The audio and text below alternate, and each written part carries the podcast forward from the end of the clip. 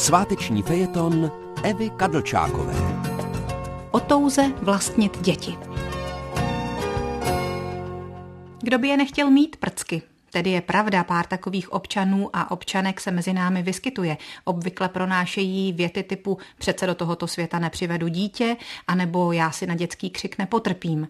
Ale ve skutečnosti většinou jen zakrývají fakt, že to nejde, že nemají partnera, že se bojí, že jsou pohodlní, že se nechtějí dělit a že raději cestují a podobně. Zažila jsem ale už i přerody takových odpůrců v nadšené a milující rodiče, protože křik vlastního dítěte nikdy není tak obtěžující jako křik fakana cizího. Peníze, i když se jich nedostává, se vždycky dají mezi členy rodiny nějak rozdělit a vaří se pro dva, snadno se navaří i pro tři. A konečně s dětmi se dá s pomocí nejrůznějších vychytávek a nabídek i docela úspěšně cestovat. Že tedy navždy změní naše životy, to je ovšem pravda. Děti přijdou a usurpují si 99% našeho času, naší mysli, naší lásky. Často ti, kteří se jim nejvíce bránili, jim pak nejsnáze propadnou. Promrně přestane let která žena vnímat existenci svého partnera, pa co víc, zapomene i na potřeby své.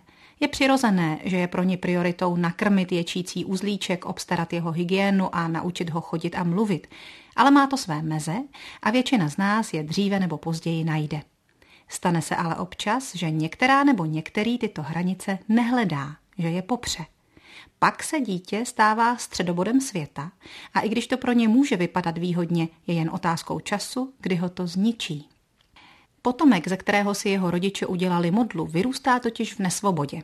Je jako bůžek na piedestalu a nesmí z něho slést. Tady pěkně hačej, tak, jak jsme si tě tam posadili.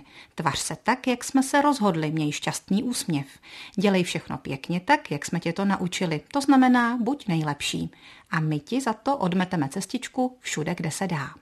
Oběť opičí lásky může časem nabít několikeré podoby. Rozmazleného opičátka, které je líné i přemýšlet a svůj budoucí život promarní pravděpodobně v leže, u souženého ubožátka jemuž bylo na záda naloženo příliš a tak bude jednou oscilovat mezi psychiatrem a sebevraždou, anebo zlého, škodolibého spratka, jehož baví ubližovat, čili skončí v kriminále nebo na Bahamách.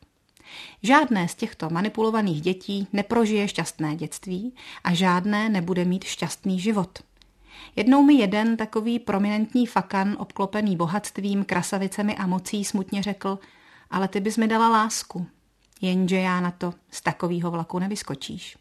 A jsme u toho. Nesvoboda plodí nesvobodu. Odvahu uniknout ze zlaté klece najde málo kdo.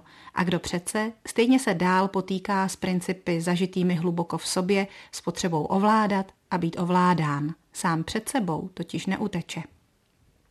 Dát dítěti do vínku nesvobodu, byť s nejlepšími úmysly, by měl být jedenáctý hřích. Děti můžeme a máme mít, ale nesmíme je vlastnit.